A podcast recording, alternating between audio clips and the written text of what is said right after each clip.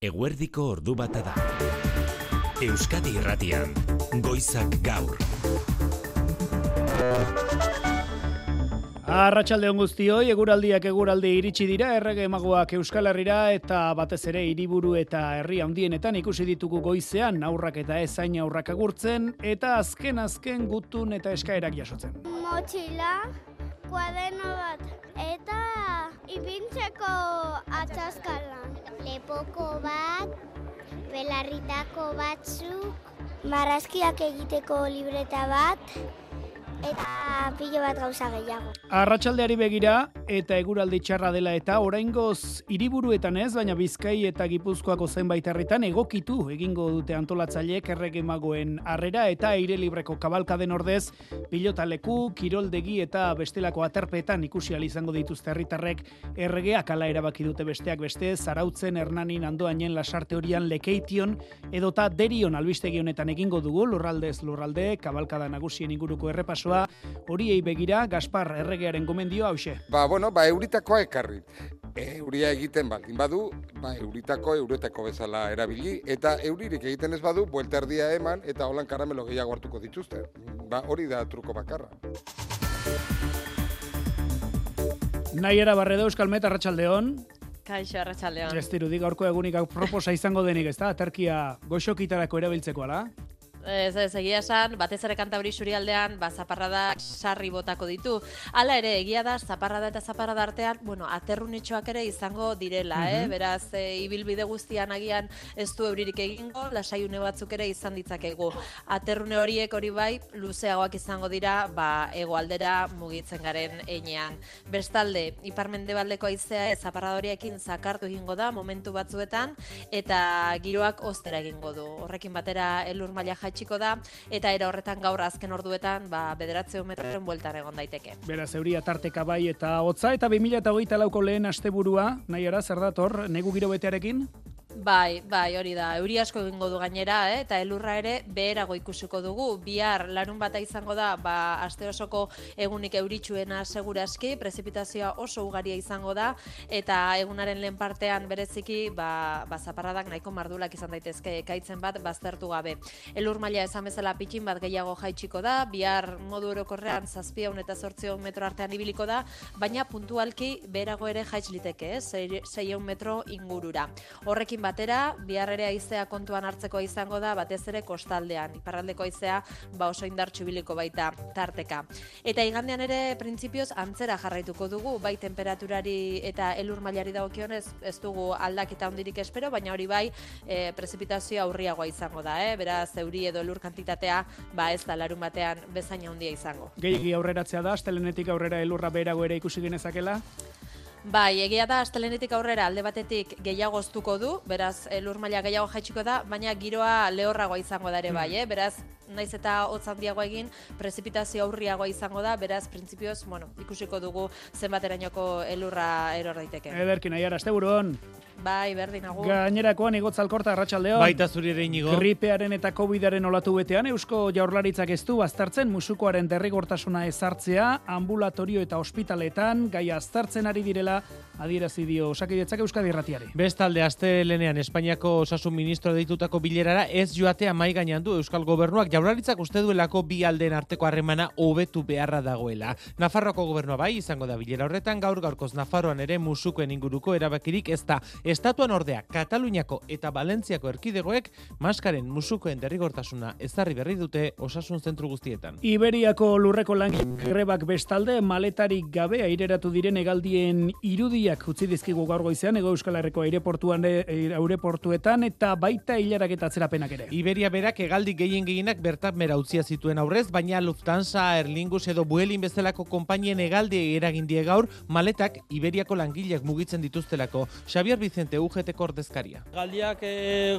gutxi gora bera bi orduko atzerapena e, jasatzen ari dira eta goizeko hegaldiak e, maleta bai irten dira guztiak. Astelenera bitarte irurogeita marregalditan ere izan dezake dezake eragina greba honek ego Euskal Herrian. Eta egu berrien amaierara iristen garen, ari garen honetan, jakin dugu egiaztatu dugu, gero eta gehiago direla Gabon gauean eta urte zarra ospatzeko landa turismora jotzen dutenak. Gabonetako datu orokorren zain, bi egun seinalatu horietan okupazio tasak gora egin du Araban Bizkaian eta Gipuzkoan iazko datuekin alderatuta idoia eskordian ekaturreko zuzendaria.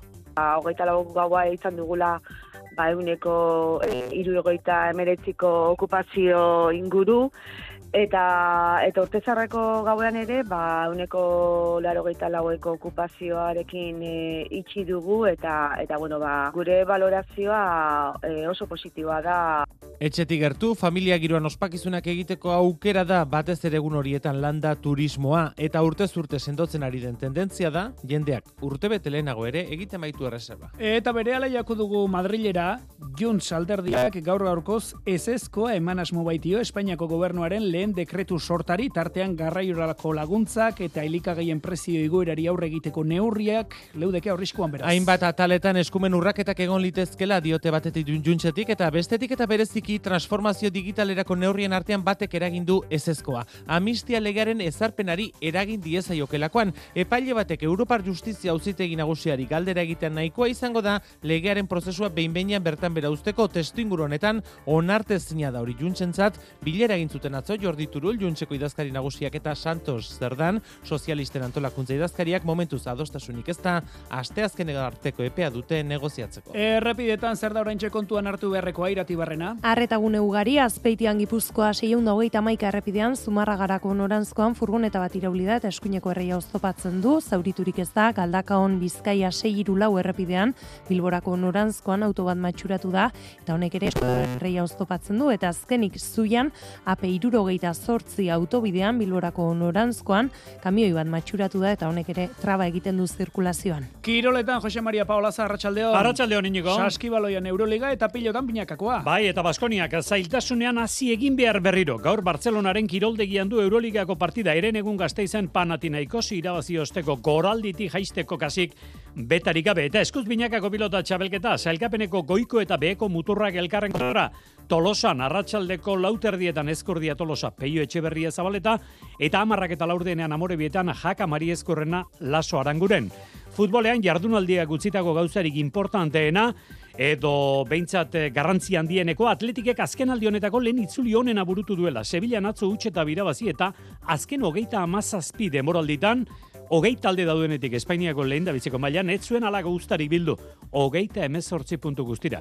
Gaur miarritzen errukbi parte gaueko bederatzietan, jaitsirako postutan miarritzek gaur briben kontra, eta izkora postu hotxak ikusiko dugu, gero kezuri ateratzen den kantabrikoko tximinitik. Han elkartuko dira, Iker Bizente eta Txikia Lauerna arratsaldeko seietan. Kirol albiste guzti guztiak, Kirolegez saioan Euskadi Erratian, ordu bat atardietan, eta ordu biterdietan kultur lehioa Manu Etxe sortu Arratxaldeon. Arratxaldeon inigo. Eduardo Txillida eskultur gilea zitzegingo dugu, haren bai. mende hurrena dela eta, eta besteak beste aurreratu genezakeia da, urtarrilaren amalauan, amairun eta amalauan, bai. sarrera debalde izango dela, Hernaniko Txillida leku museoan. Hori da, Eduardo Txillida jaio zela, eun urte beteko dira aste azkenean, eta atorren asteko larun bat eta igandean publikoak sarrerarik ordaindu gabe gozatu izango du eskultur gilaren lanaz txilidalekuko basoan eskultura artean paseoa emanez.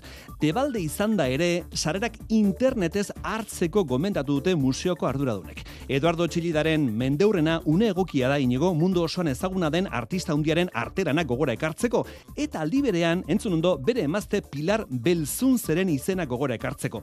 Begira, ze garbi itzegin duen gaur goizen Euskadi Irratian bien bilobazen, eta aldi berean Txilida lekuko garapen arduradun den Mikel Txilidak. Be, amatxi gabe aitonak artista ikaragarria izango zen, baina igual ez du inork ezagutuko. Eta amatxi lortu zuen nolabait baitonak egin zitun gauzak benetan gertatzea. Hori da, hori izan zen bere lana nolabait. Eta ere bai, bueno, familia kudeatzea, e, galeriarekin ere bai bera hitz egiten zu, bai ere bai forja industrialarekin bera beti zegoen hortartean. Pilar Belzunze txilidaren manager, e, txilidaren mendurrena dela eta antolatutako ekitaldi eta erakosketa bereziak 2026 garren urtera arte luzatuko dira inigo.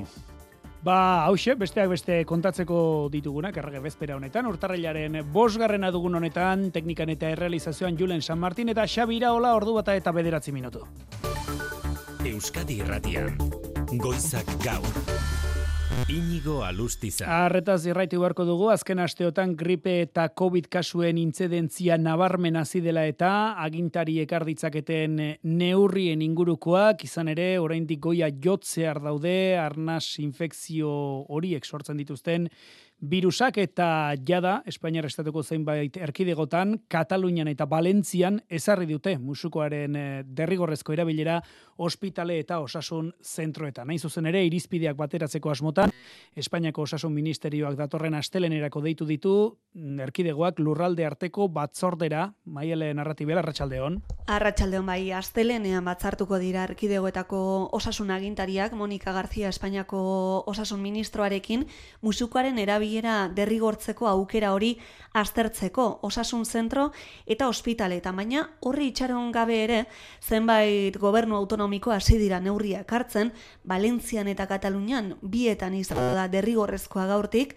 eta bide beretik Garzia ministroak berak ere herritarrei eskatu die zentzuz jokatzeko. Apelamos al sentido común e insistir en la importancia de llevar siempre una mascarilla a mano. Gaineratu du osasun ministerioak ezin diela erkidegoi neurriak hartzera behartu, baina asmoa dela irizpideak behintzat bateratzea. Jaurlaritzako osasun saieko iturrien arabera ala ere, oso posible da gotzone sagardu izalburuak asteleneko bilera horretan ez parte hartzea, bialdeko harremana hobetzen ez bada behintzat, eta ez dute baztertzen musukoaren erabilera derrigortzea, txosten teknikoek ala gomendatzen badute. Nafarroan ere, aztergai daukate gaia, esan berri diguten ezala ere, derrigortasun hori ezarri beharko litzateke dekretuz, beraz oso ondo aztertu beharrekoa da, eta beraz hori erabaki bitartean, gomendioa egiten diete herritarrei. Ikusiko dugu beraz ego Euskal Herrian derrigortasuna ezartzen den ala ez, entzun duzu Katalunia eta Valentzia da hartu dute erabaki hori. Jo dezagun bestalde Madrilera eh, aurreratu dizuegu sarreran Espainiako gobernuak onartu dituen azken dekretu ekonomikoak kolokan egon daitezkela, zergatik bat junseko hartarazi duelako gaur gaurko zorien kontrako botoa eman asmo duela dekretu horiek batetik amnistia leglearen aplikazioan eragina izan dezaketela iritzita, eta bestetik zenbait neurritan erkidegoen eskumenak urratuko liratekela argudiatuta. Sozialistek eta Junsek nola nahi ere negoziatzen jarraitzen dute, argi dagoena da, Pedro Sánchezen gobernuak behar beharrezkoak izango dituela, legealdi osoan bere investidura babestu zuten alderdi guztien baiezkoa, alderdi popularrak ezezkoa emango duen bakoitzean, Mikel Arregi, Madrid, Arratxaldeon. Kaixo Arratsaldeon bai, Espainiako gobernuak bide zaia izango du legealdi honetan dekretuak onartzeko eta horren adibide datorren aste azkenean Juntzek ezetz esango diola eskutu soziala aurre ikusten duen dekretuari. Ezezko hori atzo baiestatu zion Jordi Turulek Santos Terdan pesoeren antolakuntza idazkariari Bartzelonan izan zuten bilera baten Juntzetan dekretu honek amnistia legea arriskuan jarriko luke Europar batasunari estatu bateko legedien esku hartzeko ahalmena emango lekiolukelako. Honez gain, Puigdemonten alderditik diote, generalitateko zenbait eskumen ere arriskuan izan daitezkela. Juntzen aizeskoarekin, pesoek peperen abstentzioa lortu beharko du besteak beste, elikagaien eta argindarraren bez murriztua eta pentsioak eguneratzea dakarren dekretua onartzeko popularrek negoziatzeko pres daudela dioten naiz eta trukean dekretua goitik aldatzeko eskatzen duten besteak beste zer gai eitxiera onartuta. Iturri sozialistek alere indarrak endu diote goera honi aurreko legealdian bezala, orain ere gobernuak gehiengorik ez du duela gogoratu dute eta talde guztiekin negoziatzen jarraituko dutela. Bide batez, Mikel Espainiako alderri sozialistak salak eta aurkeztu du azkenean, fiskaltzaren aurrean, urte zargauean, ferrazkalean, herritar talde batek Pedro Sánchezen panpina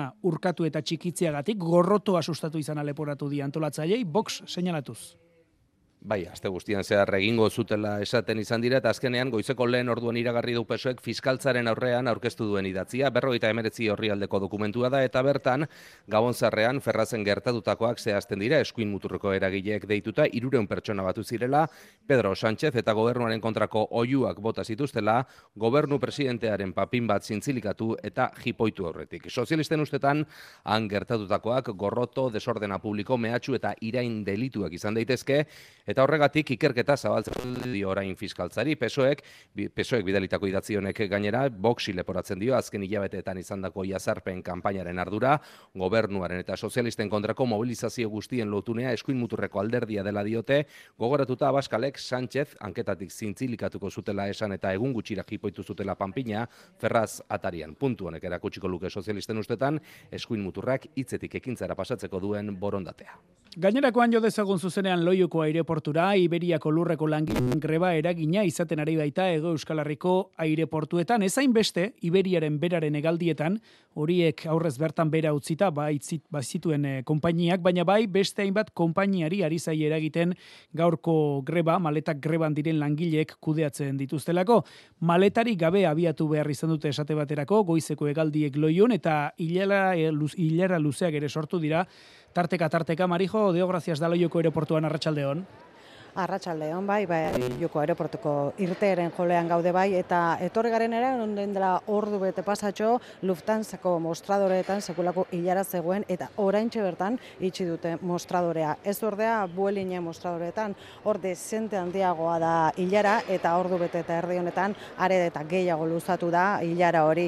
Iberiako lurreko langileen grebak konpainia biei eragiten ari da, bi konpainia hori eragiten ari da zuzenean, eta goizean goizetik batez beste, ba, egaldiak ordubiko atzerpenarekin atera dira Bilbotik.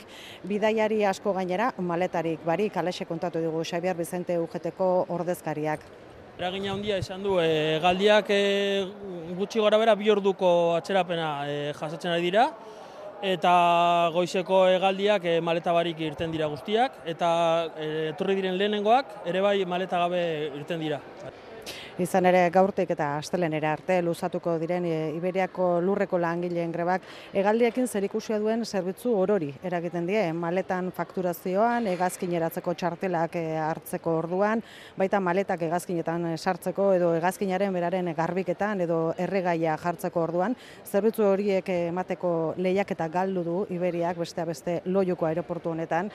Eta langileak enpresa berriak surrogatuko dituela diote.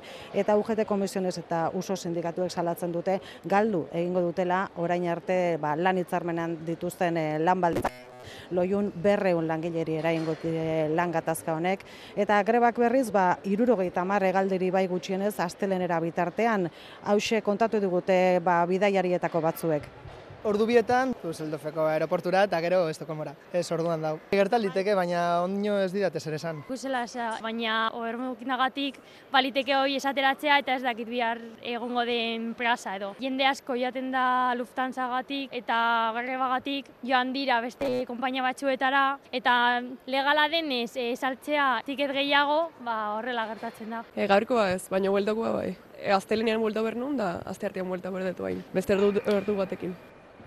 Uneotan e, pantailan ikusten ari garenez, Frankfurt eta Londreserako hegaldiak atzeratuta daude, eta Balentziara joatekoa zena arratsaldeko laura bos gutxiagotan bertan bera geratuta dago. Eta ideia bat egiteko inigo, eguardian Santiagora atzerat, ateratzekoa zen e, buelinen hegaldia, oraindik ere jendea ari da hegazkin eratzen, e, orain dela ordu bete zen ateratzekoa.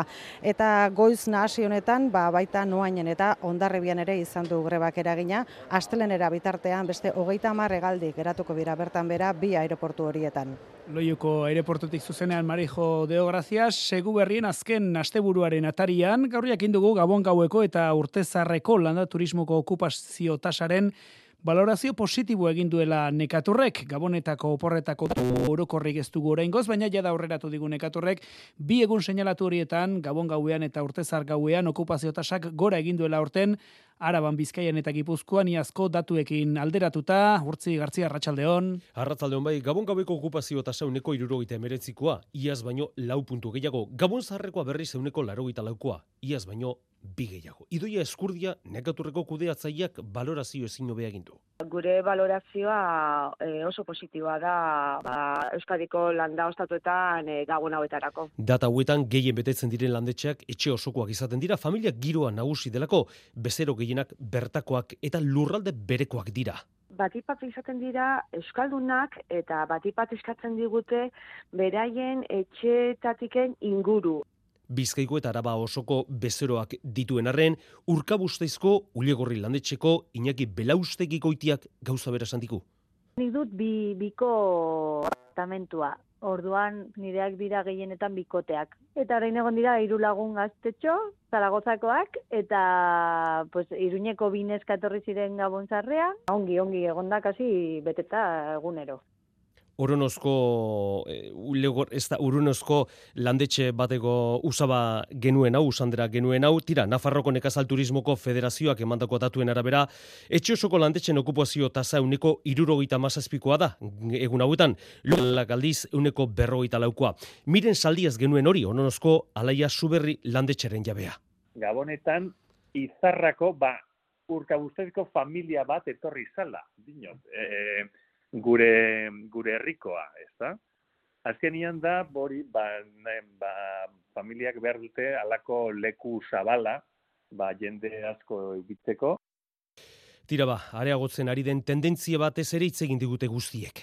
Gero eta maitago e, gertatzen ari zaigu, familiak e, urte batetiken e, bestera ja da erreserbatuta usten dutela ba, ba nekazal turismoa, ez? Gabon zarretan pasaden kuadrilla e, ja otzaian egin zuten erreserba. Bai, gero eta talenago bai, bai, jendeak egiten ditu reserbak hilabete batzuekin, bai, bai. Tira ba, Gabonetako oporrak amaitu zain, Gabon gaueko eta Gabon zarreko datuak igusita, oroar, landa turismoak izan duen eta izaten eri. Ziotasa, maila ona izango dula uste dute, nekaturrek eta Nafarroko Nekazal Turismoko Federazioak. Ordu bata eta ia hogeita bat minutu, ekialde hurbileko katazkare gehiago edatu ez dadin, alegin diplomatikoak areagotzen ari dira estatu batuak eta Europa helburu horrekin, Istanbulera eta Beirutera bidean dira Antoni Blinken eta Josep Burrell estatu batuetako eta Europar batasoneko diplomazia buruak. Gazan bien bitartean, Israelen erasoek ez dute etenik, eunda irurogeita bihildako eragin dituzte azken hogeita laborduotan osasun agintariek jakinarazi dutenez martxetxe berria. Arratxaldeon gazerdialdeko nuizerat eta deir albalako errefuxatu guneak jo dituzte bortitzen Israelen bombaketek azken orduotan, bertako herritarrak hegoalderantz gehiago bultzatuz hildakoak gazan 2000 eta seireon badira, urriaren zazpian Israelek erasoaldi abiatu zuenetik, zaurituak berriz berroita amazazpi mila mm, hildak e, zauritutik gora. Osasun arreta faltari eta goze eta egarriari negu aurrean doan bezala, hipotermiaren arriskua ere erantzi zaio. Israelgo gobernuaren baitan bien bitartean, eskuin muturreko finantza ministroak ahots gora azaldu du desadostasuna defentsa ministroak Joaf Galantek azaldutako gerra osterako planarekin. Plan horren arabera Palestinarren gobernu batek aginduko luke Gazan, Israelek gain begiratuta beti ere eta nazioarteko koalizio bat arduratuko litzateke lurraldea berrera ikitzeaz. Pentsatzekoa da hortaz proposamen hori izango duela gainean Antoni Blinken estatu batuetako estatu idazkariak ekialde hurbilean gaur abiatuko duen biran lehen itzordua ordu batzu barru izango du Istanbulen Tayyip Erdogan Turkiako presidentarekin. Beste puntu berora Libanora iritsiko da berriz Josep Burrell Europar batasuneko diplomazia burua, Israelen eta Ezbolaren arteko gerrarik ez dadin piztu helburu hori besapean, Beiruten Israeli egotzitako atentatuan jamasen bigarrena, Salehal Areuri hil eta hiru egunera. Europan bitartean, batasuneko agintariak bertan zirela, estatu omenaldia egin berri diote Parisen Jacques Delors, Europar batzordeko presidente izandakoari, Europa batuaren arkitekto gisa, arkutzitako ondarea aldarrikatu du ekitaldi horretan Emmanuel Macron Frantziako presidenteak. Jacques Delorsen ilkutsaren aurrean laudorio hitzak izan ditu haren ibilbide politiko eta pertsonalarentzat Macron presidente frantziarrak marxismoaren eta individualismoaren artean hirugarren bidea zabaldu izan aitortu eta berradiskiditzea ipar horratz izan zuela beti Delorsek azpimarratu du Macronek Frantziaren eta Europaren arteko adiskidetzea Europaren adiskidetza iraganarekin eta baita etorkizunarekin. Et réconcilier l'Europe avec son avenir. Le visage de l'Europe d'aujourd'hui... Gaur egun ezagutzen dugun Europari, Europar batzordeko presidentetzatik, Jacques Delorsek egin zion ekarpena goraipatu du Macronek merkatu bakarra, zirkulazio askea eta moneta bakarra bultzatu izana besteak beste. Jacques Delors nous a juste passé le relais. Delorsek utzitako erreleboari heltzeko presta saldu da Frantziako presidentea Ursula von der Leyen eta Charles Michel Europar batzordeko eta kontseiluko presidenteak eta Alemaniako, Belgikako eta Hungariako gobernu ordezkariak hartu dute parte besteak beste Jacques Delors agurtzeko estatu ekitaldian.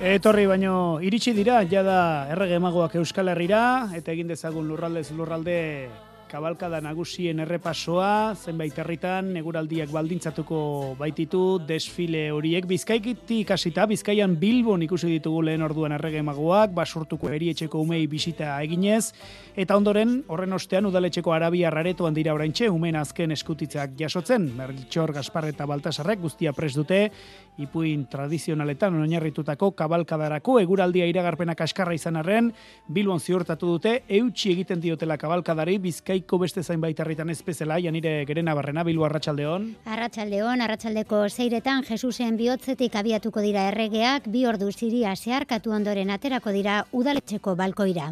Hau, Bilbo da. A ber, Euskadi berdea da ez, eta zergatik da berdea euria egiten duelako, orduan nork esan zuen beldurra. Aterako gara, bai, ala bai.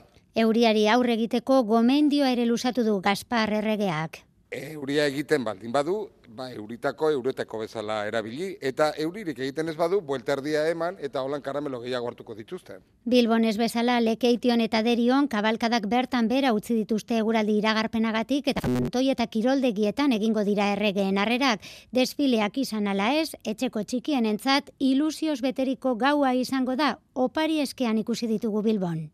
Motxila, kuadeno bat, lepoko bat, belarritako batzu, marrazkiak egiteko libreta bat. Aurten jostailu tradizional gehiago eskatu dituztelako posik erregeak. Zer esango dizu, guri gehiago gustatzen zaizkigu hoiek besteak baino pintxa. Baloi batekin zenbat ume jolastu dezakete. Ba, hogei, berrogei, bai. tablet edo zea batekin, ba, batek, bi. Opariak jasotzeko gogoratu, zapatak garbitu. Gipuzkoan ere euriak baldintzatuko du, ba, gaur arratsa aldeko kabalkaden ohiko martxa, lasarte horian eta andoainen esate baterako, jada erabaki dute ez dutela desfilerik egingo, zarautzen bi, bi, bi ibilbideren artean erabakiko dute, eta tolosan ere azken ordura arte izango dira zain, hiriburuan donostian bai, arratsaldeko sei tardietan abiatuko dira Melchor, Gaspar eta Baltasar euren karrozetan ainara ortiz. Hiru errege magoak igeldoko funikularra aukeratu dute Gipuzkoako hiriburura iristeko. Goizeko maiketan zain zituzten dozenaka aur. Horietako asko Melchor Gaspar eta Baltasarri eman asmozioten gutuna eskuan zutela. Beste batzuk aurrez postontzira igorrita zuten opari eskari mardula. Ni makillaje bat, erloju horratzarena, e, namzi bat eta salba alpinguino. Nik patinak, zepillo elektrikoa, marimatak. Eguneko lehenengo irribarre eta goxokiak banatuta Roll Royce batean abiatu dira erregeak donostian barrena. Arratxaldeko seiterdietan berriz, kabalkadan aterako dira seireu laguntzaileko gortearekin batera. Ez dira, euriaren beldur. Euria ez gaitu ikeratzen. Badakigu Euskal Herria etortzeko, euria ia seguru izaten dala. Oituta gaude. Kaleko desfilea bertan bera utzi eta zuzenean erregeei harrera aterpean, udaletxe fronto edo polikiroldegietan egitea erabaki dutenak berriz, andoain, lasarteoria, urnieta, hernani, orio, getaria eta lezo dira besteak beste. Tolosan azken orduan hartuko dute erabakia, zarautzen bai alabai aterako da kabalkada. Euri jaite bau ibilbidea motzago izangoa, kale nagusia, udaletxe plaza eta beste kale batzuk. Euriak tregua pixkat ematen badigu, urteroko ibilbidea burutuko dugu. Kabalkada egin ala ez, argi dagoena da erregemagoak euren magiaz baliatuta gipuzkoako txietara iritsiko direla gaur gauean, aurretan nagusien ilusioak gidatuta. Nafarroan leku batzutan, euripean ez ezik elurretan ere iritsiko dira erregemagoak, jala pirinioetako hainbat herritan aurten kabalkatarik ez, eta aterpen egingo diete harrera magoei, hiriburura iruñera hoi bezala dromedario ziritsiko dira, Eli Eraso, iruña arratsaldeon. Bai, arratsaldeon, ba, arratsaldeko lauretan iritsiko dira, Melchor Gaspar eta Baltasar, Zumalakarregiren ataritik dromedario gainean. Guardias, abrid las puertas de Pamplona a sus majestades Los Reyes Magos de Oriente. Udaletxe plazan udal batzak karrera eginen die eta joanen dira miserikordi etxera adinekoak bisitatzera ondoren arratsaldeko zazpietan hasiko da mila lagun baino gehiagok parte hartuko duen kabalkada. Letizia Bergara kantolatu ditu orgak. Meltxorren karroza hartza polar baten karroza izango da, txuria, urdina eta oso dizdiratsua. Gasparrena lehoi batena eta Baltasarrena jaguarrena. Baina guardiaz geroztik Nafarroan dira, magoak tuterako aurrek egin diete ongi etorria Ebroko zubia zeharkatu dutenean.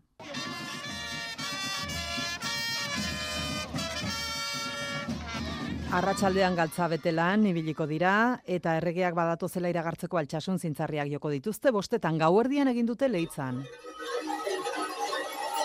Akaso euriaren eta elurraren ondorioz izanen dira azken orduko aldaketak, izaban esaterako, bertan bera utzi dute esfilea eta pelean egin jendu diete, erregei herrera, herriko zineman. Nola nahi ere inigo, eguraldiak ez ditu gaurko ilusioak zapuztuko. Eta erronda amaitzeko arabari buruz zer esan, ba, bertan ez dutela, eguraldiarekin aparteko gora berarik espero, errege magoak gazte izen ere ikusi ditugu da, arabako hiriburuan trenez, heldu dira, oi bezala. Ordu bata terdiak, jo berriak.